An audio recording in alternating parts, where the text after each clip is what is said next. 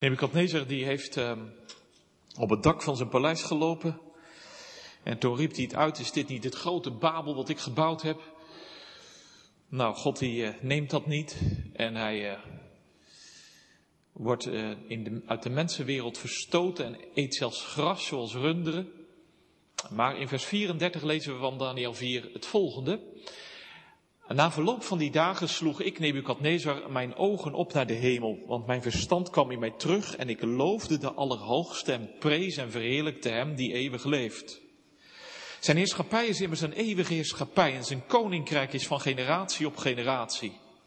Al de bewoners van de aarde worden als niets geacht. Hij doet naar zijn wil met de legermacht in de hemel en de bewoners van de aarde. Er is niemand die zijn hand kan wegslaan of tegen hem kan zeggen, wat doet u? Op datzelfde tijdstip kwam mijn verstand weer in mij terug. Ook kwamen tot eer van mijn koninkrijk, mijn majesteit en mijn waardigheid weer op mij terug. Mijn raadslieden en machthebbers maakten hun opwachting bij mij. Ik ben in mijn koningschap hersteld. Mij werd zelfs uitzonderlijke grootheid verleend. Ik, Nebukadnezar, prijs, roem en verheerlijk nu de hemelkoning, omdat al zijn daden waarheid zijn en zijn paden gerechtigheid. Hij is in staat te vernederen wie in hoogmoed hun weg gaan. Vervolgens lezen we uit Lucas 1.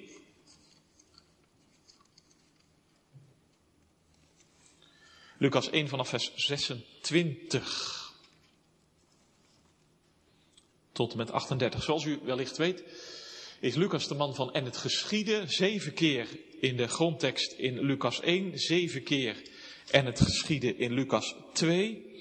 Overbekend gedeelte, want Lucas begint zijn evangelie met drie eh, schilderijen. Eh, drie schilderijen van drie tweetallen. Zacharias en Elisabeth, Maria en Jozef, eh, Simeon en Anna. Aan het begin zijn er twee geboorteaankondigingen. Een oude priester in Jeruzalem en een jong meisje in Nazareth. Ze ontvangen allebei een geboortebericht. Ze horen hoe het kind genoemd zal worden, allebei. Ze horen wat de taak is van het kind, allebei. En ze stellen allebei een vraag. Waarbij zal ik het weten of hoe zal dat wezen? En op die vraag die ze stellen aan de engel krijgen ze ook allebei een teken. En na dat teken breken ze allebei uiteindelijk uit in een lofzang. Vers 26. In de zesde maand werd de engel Gabriel door God gezonden naar een stad in Galilea, waarvan de naam Nazareth was. Naar een maagd die ondertrouwd was met een man van wie de naam Jozef was, uit het huis van David. En de naam van de maagd was Maria. En toen de engel bij haar binnengekomen was, zei hij, Wees gegroet, begenadigde, de Heer is met u. U bent gezegend onder de vrouwen. Toen ze hem zag, geraakte ze in verwarring door zijn woorden en ze vroeg zich af wat de betekenis van deze groet kon zijn. En de engel zei tegen haar, wees niet bevreesd, Maria, want u hebt genade gevonden bij God. En zie, u zult zwanger worden en een zoon baren en u zult hem de naam Jezus geven. Hij zal groot zijn en de zoon van de Allerhoogste genoemd worden en God de Heere zal hem de troon van zijn vader David geven. En hij zal over het huis van Jacob koning zijn tot in eeuwigheid. En aan zijn koninkrijk zal geen einde komen. Maria zei tegen de engel, hoe zal dat zijn? Aangezien ik geen gemeenschap heb met een man. En de engel antwoordde en zei tegen haar, de Heilige Geest zal over u komen. En de kracht van de Allerhoogste zal u overschaduwen. Daarom ook zal het heilige dat uit u geboren zal worden, Gods zoon genoemd worden. En zie, uw nicht Elisabeth is eveneens zwanger van een zoon in haar ouderdom. Dit is de zesde maand voor haar die onvruchtbaar genoemd werd. Want geen ding zal bij God onmogelijk zijn. Maria zei, zie, de dienares van de Heere, laat met mij geschieden overeenkomstig uw woord. En de engel ging van haar weg. Dit is het woord van God. De spits van de preek is vers 32 en 33 van Lucas 1. Daar zegt de engel, hij zal groot zijn en de zoon van de Allerhoogste genoemd worden. En God de Heere zal hem de troon van zijn vader David geven. En hij zal over het huis van Jacob koning zijn tot in eeuwigheid. En aan zijn koninkrijk zal geen einde komen. We schrijven boven de preek de Allerhoogste ziet om naar het Allerlaagste. De Allerhoogste ziet om naar het Allerlaagste. Gemeente hier thuis, nederigheid. Dat woord is niet populair vandaag, dacht ik. In een cultuur van succes en prestatie, daar past geen nederigheid bij. Je mag toch trots zijn op je succes. Je mag toch voor de dag komen met je prestaties. Iemand die de hele dag een ander voor laat gaan. Iemand die de hele dag zegt, ga jij maar eerst, ga jij maar voor. Zo iemand komt nooit aan de top. Zo iemand zal nooit succes ontvangen. Zo iemand zal het geluk wat voorhanden is niet bereiken. Een gedachte die diep in onze cultuur zit. Trouwens, die nederigheid die het Calvinisme propageert, is dat eigenlijk wel nederigheid? Zo schreef iemand, want hij zei, is dat niet een soort bescheidenheid waar je ook weer zo doorheen prikt? Ga eens met ze praten. Calvinisten blijken het namelijk erg goed allemaal te weten. Ze doen zich wel nederig voor hoor, maar ondertussen zit daarachter een arrogantie waar je van schrikt. Ja, misschien heeft die schrijver nog wel gelijk. Quasi nederig, vals bescheiden. In ons deel van de kerk kom je dat, ik, dacht ik, vaak tegen en in mijn eigen leven niet minder. Met Advent gaat het echter over nederigheid. Daar oefenen we ons in. Nee, geen nederigheid als een soort uh, bescheidenheid waarin je jezelf moet trainen met wat maniertjes, het nederige uh, meisje uithangen met wat houdingjes, de nederige jongen lijken. Nee, met Advent gaat het om een nederigheid in de zin van je plek weten. Naar de ander, maar vooral naar God.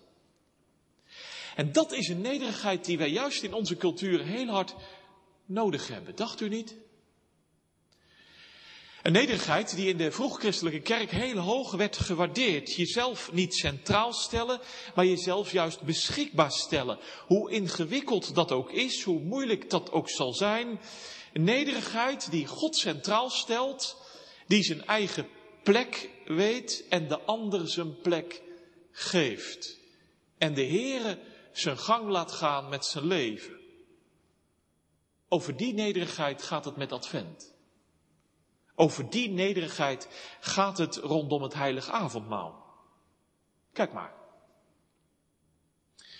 Jeruzalem is onderdeel geworden van het Romeinse Rijk. De keizer zit stevig op de troon. Hij is de grootste, hij is de hoogste, zo voelt hij zich, zo treedt hij op, zo regeert hij.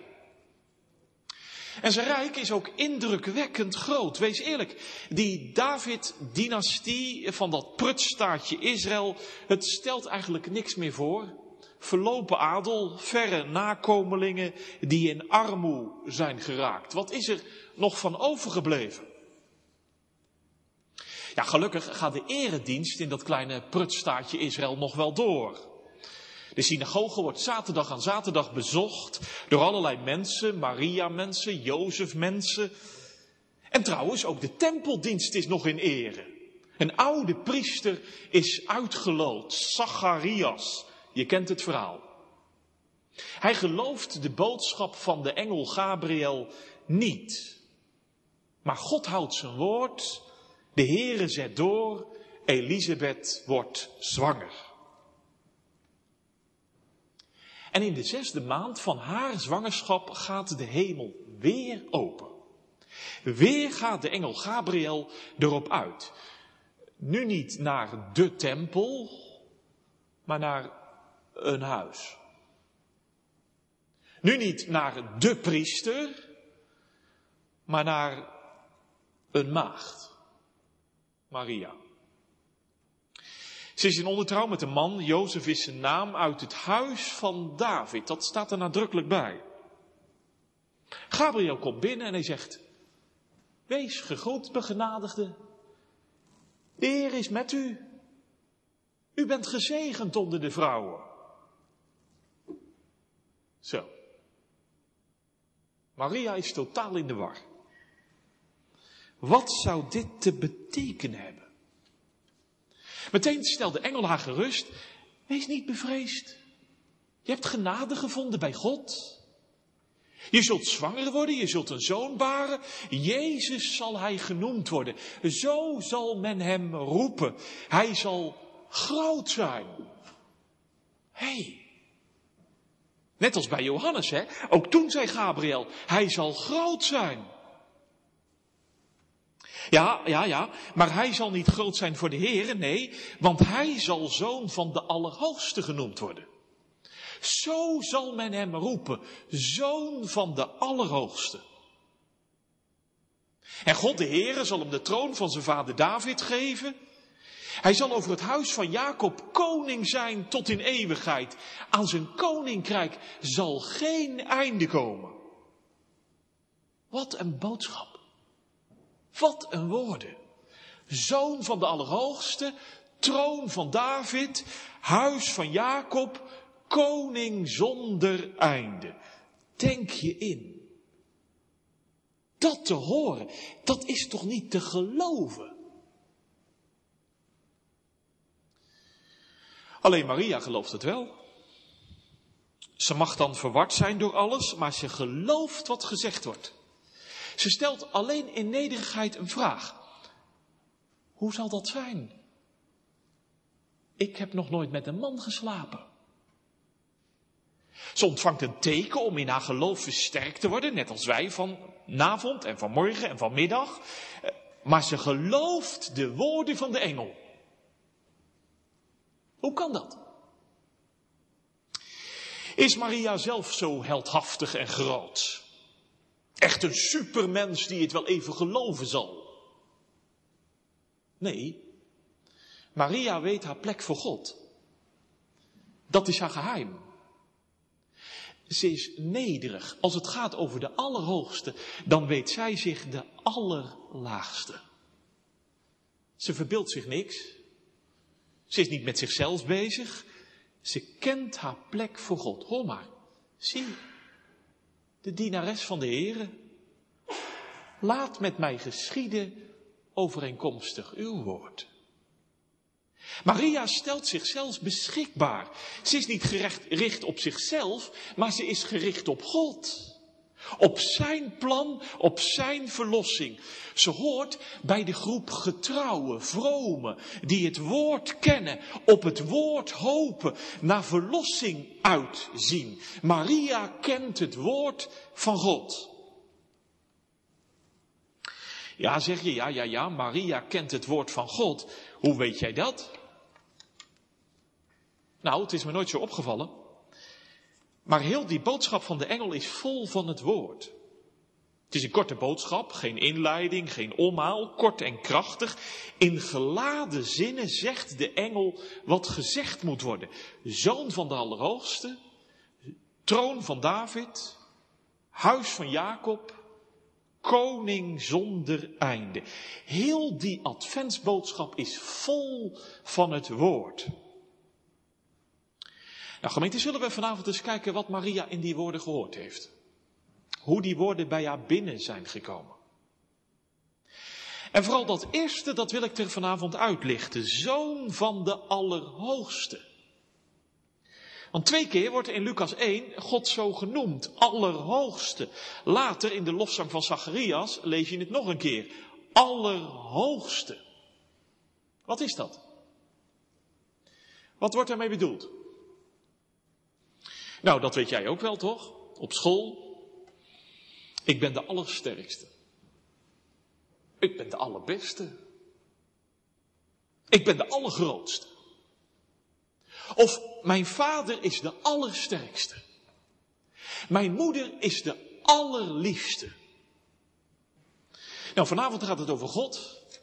En de engel Gabriel zegt, onze God is de allerhoogste. Niks is er hoger dan Hem. Niets is er groter dan Hem. God staat boven alles. Hij heerst over alles. De Allerhoogste. Ja, zo wordt God meer dan eens genoemd. Maria weet daar alles van. Ze heeft elke zaterdag in de synagoge de Torah, profeten en geschriften horen lezen. Elke zaterdag naar de synagoge. De boekrollen werden geopend. De hoop werd gewekt, de verwachting geboren. Hoe stevig die keizer in Rome ook regeren mag. Hoe indrukwekkend zijn rijk ook wezen mag. Onze God is de Allerhoogste. En weet u, weet u, in welke boekrollen van het Oude Testament dat vooral heel sterk naar voren komt? Ik zat er even naar te kijken. Maar dat is vooral op plaatsen waar er een enorme weerstand is tegen God. Neem nu Daniel, hè. we lazen een heel klein stukje daarvan. Wel veertien keer wordt in het boek Daniel God de Allerhoogste genoemd. Het volk Israël is in Babel. Er lijkt niets meer van het huis van Jacob over te blijven. Jeruzalem in puin, de tempel een ruïne. Maar wacht, wacht. Want tegenover de hoogmoed van Babel, tegenover het narcisme van Nebukadnezar, staat God, de Allerhoogste. Nebukadnezar moet het op zeker moment wel erkennen, we lazen het. Die egoïst die zo groot denkt over zichzelf, hij wordt zo vernederd. Op zeker moment kruipt hij als een beest over de grond. Maar na al die vernedering moet hij wel erkennen, die God van Israël, van dat kleine prutstaatje wat ik dacht overwonnen te hebben, die God van Daniel, hij is het. Ik verheerlijkte de Allerhoogste en verheerlijkte Hem die eeuwig leeft. Daniel 4. Want ja, de Allerhoogste heeft het huis van Jacob uitgekozen. Met dat volk zal hij leven, bij dat volk zal hij wonen. Een tempel werd gebouwd, de tempel werd weer herbouwd. Maar wacht, wacht, want God zegt er nadrukkelijk bij, als die tempel wordt gebouwd, Denk nou niet dat die tempel die jullie gebouwd hebben in Jeruzalem mij, de Allerhoogste, kan opsluiten en insluiten. De hemel der hemelen kan zelfs de Allerhoogste niet bevatten. En daarom zingen tientallen psalmen, ook vanavond zullen we van die psalmen zingen, tientallen psalmen over God als de Allerhoogste. Dus vanuit die tempel wordt erkend, Heere, u bent de Allerhoogste. U kiest voor dit huis om hier te wonen, maar u bent veel groter. De hemel en de aarde kan u zelfs niet bevatten. Zo hoog, de Allerhoogste.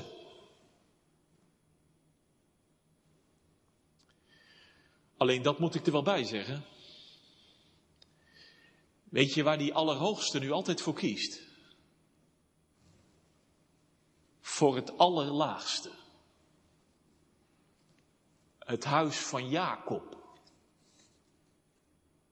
Dan weet je genoeg, toch? Ja, en daarom kiest hij ook David uit als koning over dat huis van Jacob.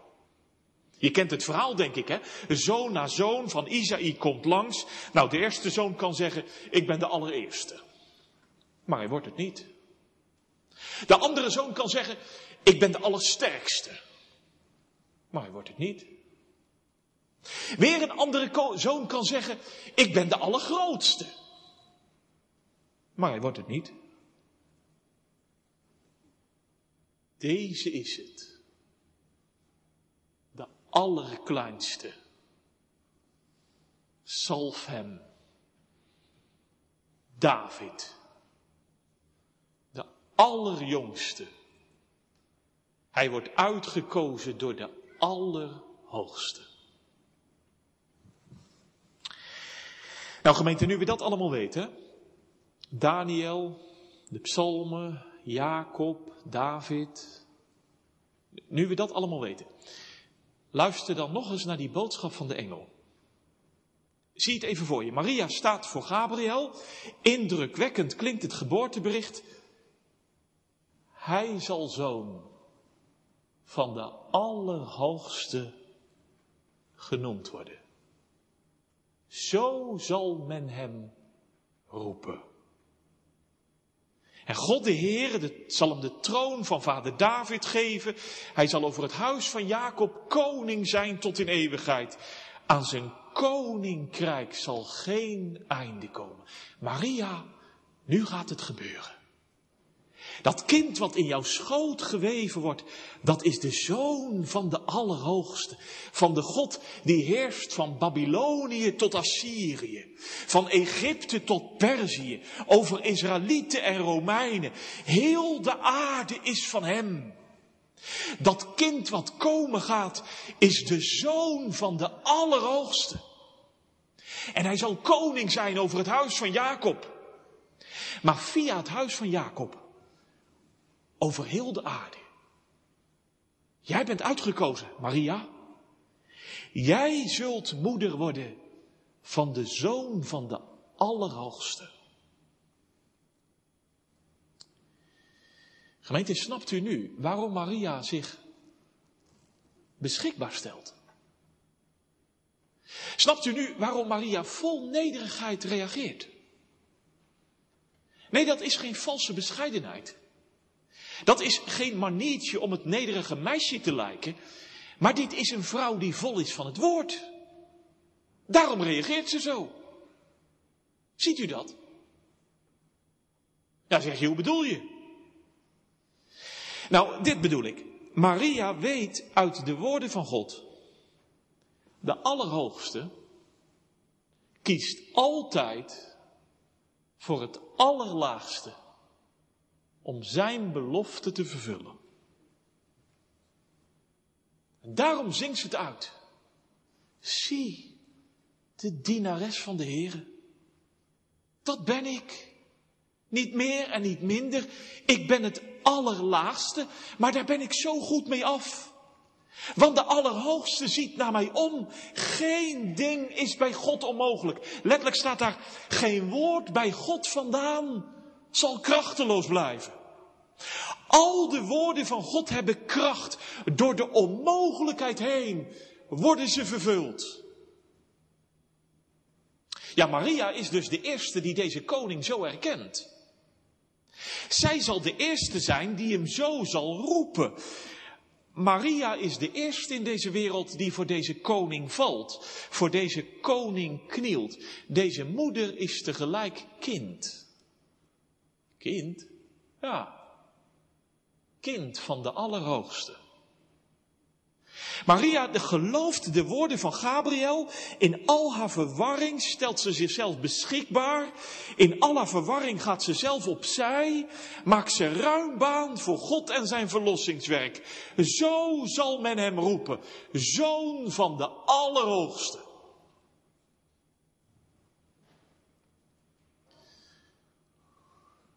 Alleen, is hij ook zo geroepen? Heeft Maria daar nou iets van gezien in haar leven?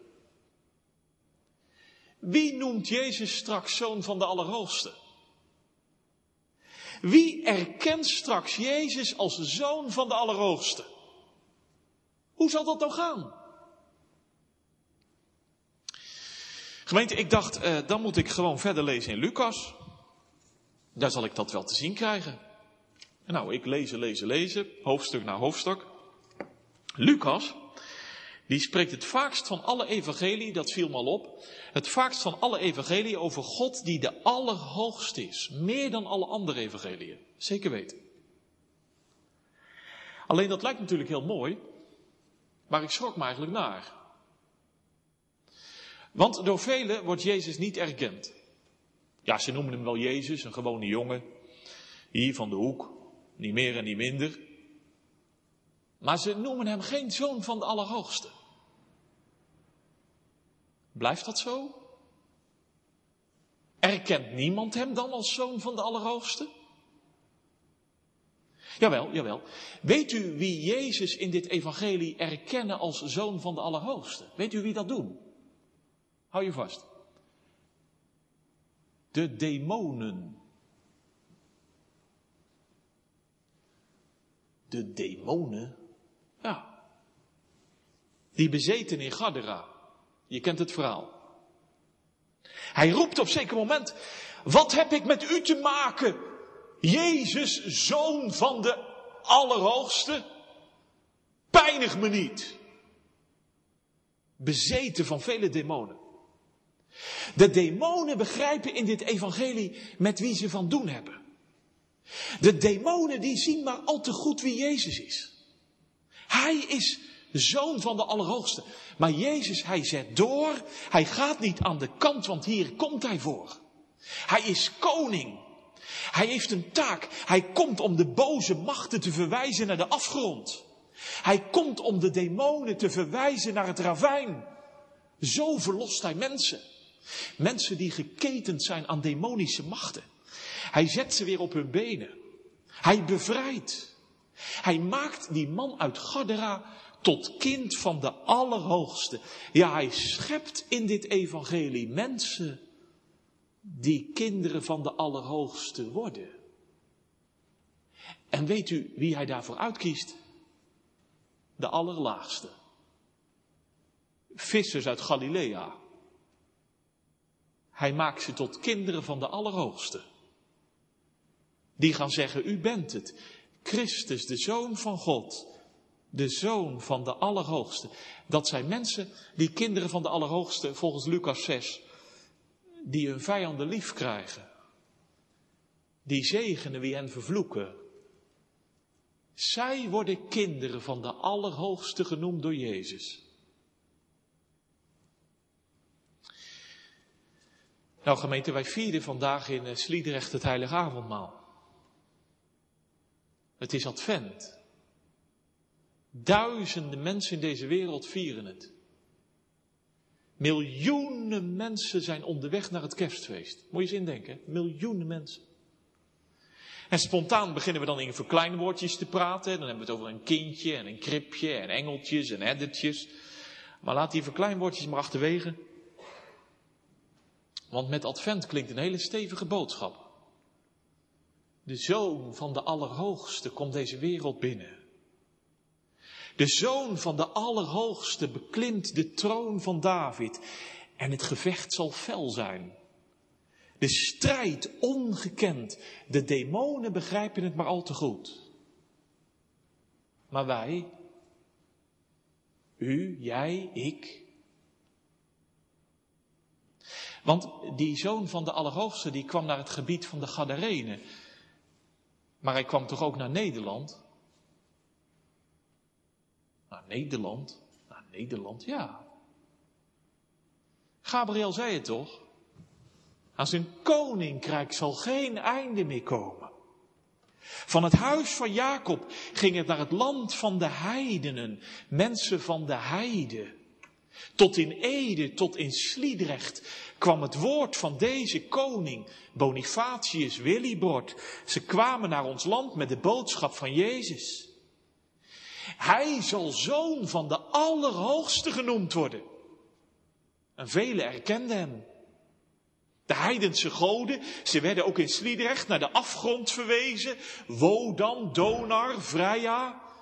Het was over en uit. Zo krachtig was het werk van deze Christus. Massaal erkende Nederlanders, u bent de zoon van de Allerhoogste. Maar hoe is het nu? Hoe is het bij u? Hoe vastgesnoerd zijn wij aan dit woord? Hoe nederig ontvingen wij brood en wijn? Hoe nederig zijn wij naar God en naar elkaar? Want de Allerhoogste ziet om naar het Allerlaagste. Ook vandaag. En is dat niet de zonde van ons land? Dat we ons zo groot en zo hoog voelen. Is dat niet de zonde waar we ook als kerkelijke gemeenten mee behept zijn? Die Nebukadnezar mentaliteit zit diep in onze cultuur. We weten het, we snappen het, we presteren, we maken succes. Egoïsme, schreef iemand, is een probleem wat steeds grotere vormen aanneemt. In kranten en tijdschriften wordt erover geschreven. En er wordt gevraagd, hoe komt dat toch? Dat je zelf in het middelpunt stellen, je eigen werkelijkheid creëren, heeft dat te maken met social media? Komt dat door onze manier van opvoeden? Allerlei oorzaken worden gezocht. Maar gemeente, zou dit niet de diepste oorzaak zijn? De zoon van de Allerhoogste wordt door velen niet meer erkend. En dan weet de mens zijn plek niet meer voor God. Maar dan geeft de mens de ander ook zijn plaats niet meer. Want hij waant zichzelf de Allerhoogste. Alleen, alleen, dit kan natuurlijk nog een sombere beschouwing eh, lijken te zijn van een of andere dominee op een preekstoel, zo wat op afstand. Maar moeten we ook niet wat dichterbij komen? Want hoe is dat bij u en bij mij? Hoe nederig bent u? Nee, niet als een maniertje. Niet de nederigheid waar wij onszelf in trainen, dat ik me nederig voordoe, maar ondertussen zo arrogant dat als het vernisje even wegvalt, je niet meer weet wat je ziet. Maar ik bedoel zoals Maria. Ze weet haar plek voor God. En ze stelt zichzelf beschikbaar voor God. Heeft onze cultuur niet dringend behoefte aan zulke mensen? Heeft de kerk niet grote behoefte aan zulke gemeenten? Die het woord van de Heer kennen. Eruit leven en uit lezen. Elke dag, zondag aan zondag. Net als Maria. Ze kent het woord van de Heer. Ze erkent dat ze zelf niet de Allerhoogste is, maar ze erkent de Zoon van de Allerhoogste, Jezus. Zo zal men hem noemen. In al haar verwarring roept ze het uit. Zie, de slavin van de Heere. Mij geschieden naar uw woord. Ga uw gang met mijn leven. Ga uw gang met mijn bestaan. Hier ben ik. Dienares zal ik zijn. Gemeente, hoe is dat bij u? Ja, zegt u misschien, ik zit het zo wat aan te horen vanavond, maar ik zal maar heel eerlijk zijn zo nederig ben ik eigenlijk niet. Ik, ik kan me wel een beetje anders voor gaan doen. Alleen ja, die nederigheid van Maria, die zit er gewoon bij mij niet in. Oh. Maar dat hoef je ook niet uit jezelf te trekken. Zelfs als je in hoogmoed je weggaat, kan de Allerhoogste je op je plek krijgen. Kijk maar bij Nebukadnezar. Hij wordt nederig gemaakt. Het gebeurt. Het gebeurt, ja. Want waar een mens echt in de woorden van God leeft. Waar een mens de woorden van God spellen gaat. Daar leer je je plek voor God. Daar ontdek je, Hij is de Allerhoogste en zijn koninkrijk heeft geen, geen einde. Gemeente, daar worden kinderen van de Allerhoogste geboren. En ze werden vandaag genodigd tot de tafel. Ze ontvingen brood en wijn om versterkt te worden in het geloof. Ze ontvingen een leven wat leert om vijanden lief te hebben. Een leven dat goed doet aan wie hen haten. Zo zat Gods gemeente in Sliedrecht vandaag rond de tafel, toch? Nou zegt u misschien, Gods gemeente wel, maar ik niet. Dat kan. Kijk, deze maaltijd en de inhoud van deze maaltijd ging aan u voorbij als u zich niet oefent in nederigheid. Als je je plek niet weet voor God en als je je naaste zijn plek ook niet gunt. Onverbiddelijk bent naar vijanden. Kijk maar in Lucas 6. Vervloekt wie je haten dan ben je geen kind van de Allerhoogste. Dat moet dan echt veranderen hoor. Want gemeente, wij moeten allemaal in ons leven leren, van jong tot oud, wij moeten allemaal leren om te buigen voor de Allerhoogste. Dat moeten we allemaal leren, echt. Maar, maar, we mogen ook buigen. We mogen ook buigen. Wij mogen buigen ook vandaag voor de Allerhoogste. Ongelooflijk, hè? Voor de Allerhoogste. Die zelf de Allerlaagste wilde worden.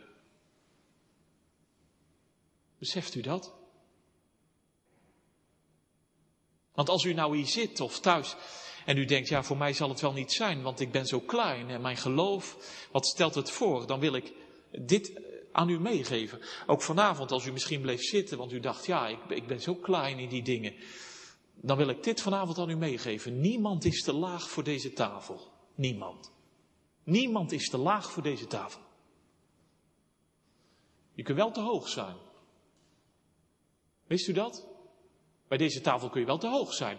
Je kunt zo hoog staan met jezelf, niet echt dienaar, dienares van de Heer.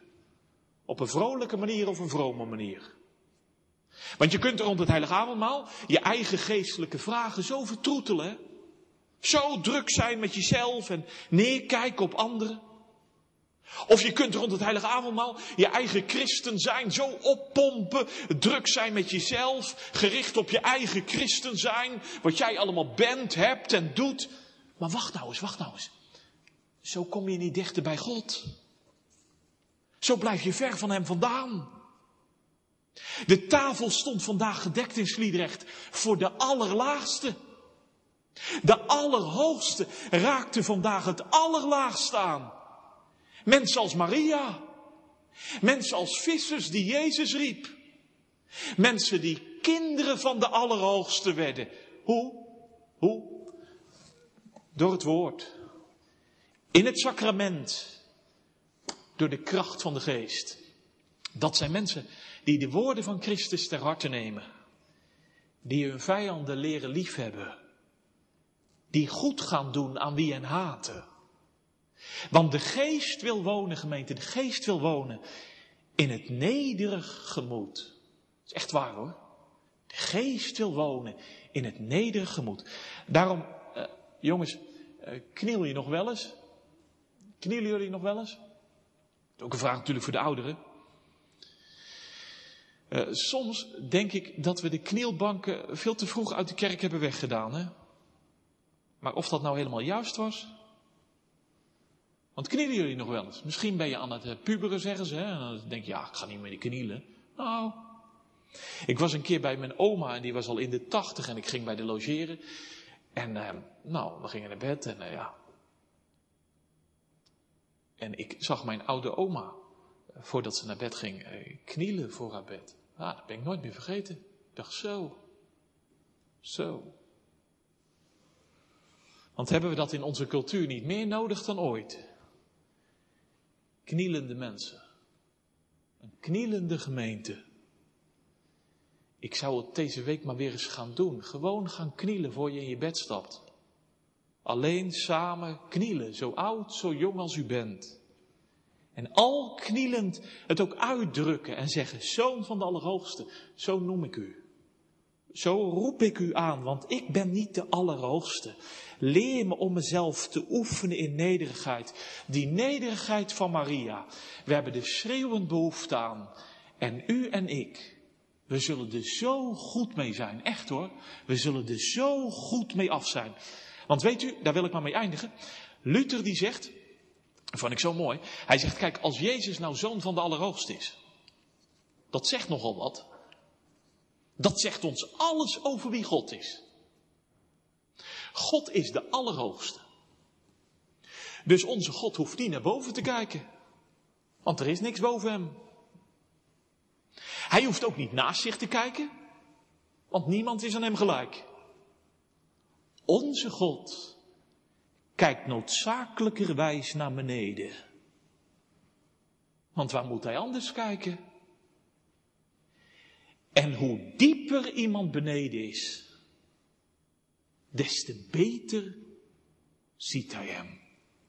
Mooi hè? Zit u diep? Dat u denkt, mens, je moest eens weten hoe diep ik zit in deze adventstijd en heel dat gedoe en alles wat we... Ik zit zo diep. Des te dieper iemand beneden is, des te beter ziet hij hem. Mooi hè? Ga zo de adventsweken in. Bij een open Bijbel. Jongens, bij een open Bijbel. Jezelf beschikbaar stellen als een dienaar, dienares van de Heer. Weet je niet hoe dat moet? Dan kniel je maar. Elke dag. En je zingt in de komende weken Maria's lofzang. Dag in, dag uit. Vanavond mag je ermee beginnen. Steeds opnieuw. Mijn ziel verheft Gods eer. Mijn geest mag blij de Heer mijn zalig maken noemen. Ongelooflijk. Want hij verhoogt en hoedt het nederig gemoed. Waarin zijn geest wil wonen. Amen.